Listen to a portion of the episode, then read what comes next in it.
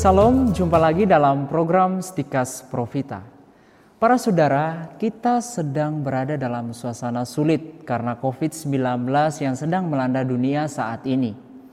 Sekali lagi, kita melewati misa, doa rosario, adorasi dari rumah kita masing-masing.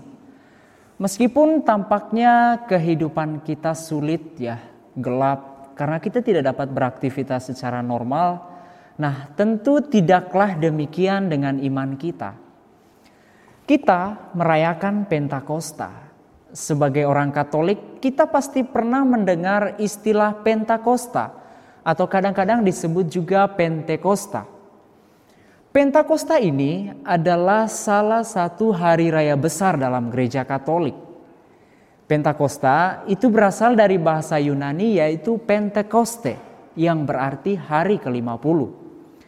Pentakosta adalah hari terakhir masa Paskah dan ini merupakan peringatan turunnya Roh Kudus atas para rasul di Yerusalem setelah kenaikannya ke surga.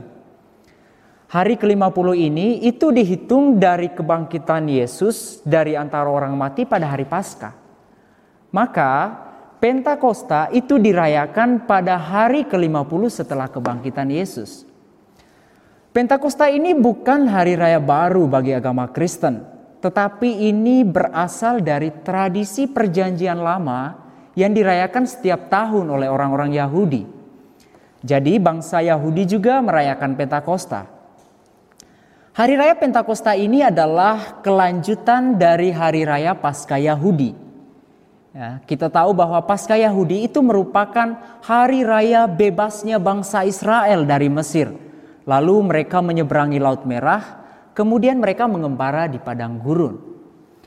Nah, di Gunung Sinai itu sebagaimana diceritakan dalam kitab Keluaran, Musa mendaki Gunung Sinai dan di sana ia berjumpa dengan Tuhan. Bukan hanya itu, Musa juga menerima 10 perintah Tuhan yang ditulis dalam dua kepingan batu. Ya, bandingkan Keluaran bab 20 ayat 1 sampai 17. Tuhan memberikan hukumnya kepada Israel dan di Gunung Sinai. Jadi Tuhan memperbaharui kembali janji yang telah diucapkannya kepada Abraham. Nah, dengan diterimanya 10 hak hukum Allah ini, bangsa Israel kini bukanlah lagi bangsa pengembara yang tidak mempunyai hukum. Jadi ini merupakan peristiwa yang penting bagi bangsa Israel. Jadi meskipun dalam perjalanan sejarahnya mereka sering kali melanggar perintah hukum ini.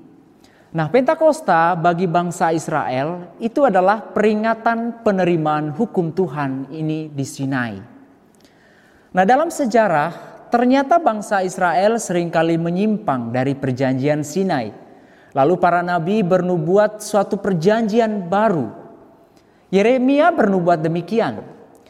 Aku akan menaruh Tauratku ke dalam batin mereka dan menuliskannya ke dalam hati mereka. Bandingkan Yeremia bab 31 ayat 31 sampai 33. Dalam umat perjanjian baru, roh Allah sendiri yang akan menuliskan hukumnya itu bukan lagi dalam kepingan-kepingan batu, melainkan juga melainkan dalam hati manusia. Nah, bagi kita orang Katolik, Pentakosta itu menjadi peristiwa turunnya Roh Kudus atas para rasul ketika mereka beserta Bunda Maria, Ibu Yesus sedang berdoa bersama di Yerusalem. Jadi cerita ini itu menjadi pembuka dalam kisah para rasul bab 2 ayat 1 sampai 13. Ya. Sebagaimana digambarkan dalam kisah ini, ketika para murid itu sedang berkumpul dan berdoa, Tiba-tiba turunlah dari langit suatu bunyi seperti tiupan angin keras yang memenuhi seluruh rumah di mana mereka duduk. Dan tampaklah kepada mereka lidah-lidah seperti nyala api yang bertebaran. Dan hingga pada mereka masing-masing dan penuhlah mereka dengan roh kudus. Itu ada dalam ayat 2 sampai 4. Jadi ini yang dilukiskan oleh Lukas. Nah peristiwa turunnya roh kudus kepada para murid itu menjadi penggenapan janji Yesus kepada mereka sebelum Paskah. Yesus berjanji demikian, tetapi penghibur yaitu Roh Kudus yang akan diutus oleh Bapa dalam namaku, dialah yang akan mengajarkan segala sesuatu kepadamu. Ya, bandingkan Injil Yohanes bab 14 ayat 26. Jika ada Roh Kudus di dalam diri kita, lalu apa yang akan dilakukannya terhadap kita? Nah, Yesus mengatakan demikian. Apabila dia datang, yaitu roh kebenaran, ia akan memimpin kamu kepada seluruh kebenaran. Yohanes bab 16 ayat 13. Jadi, setelah Yesus naik ke surga, Yesus tidak meninggalkan para murid seperti yatim piatu.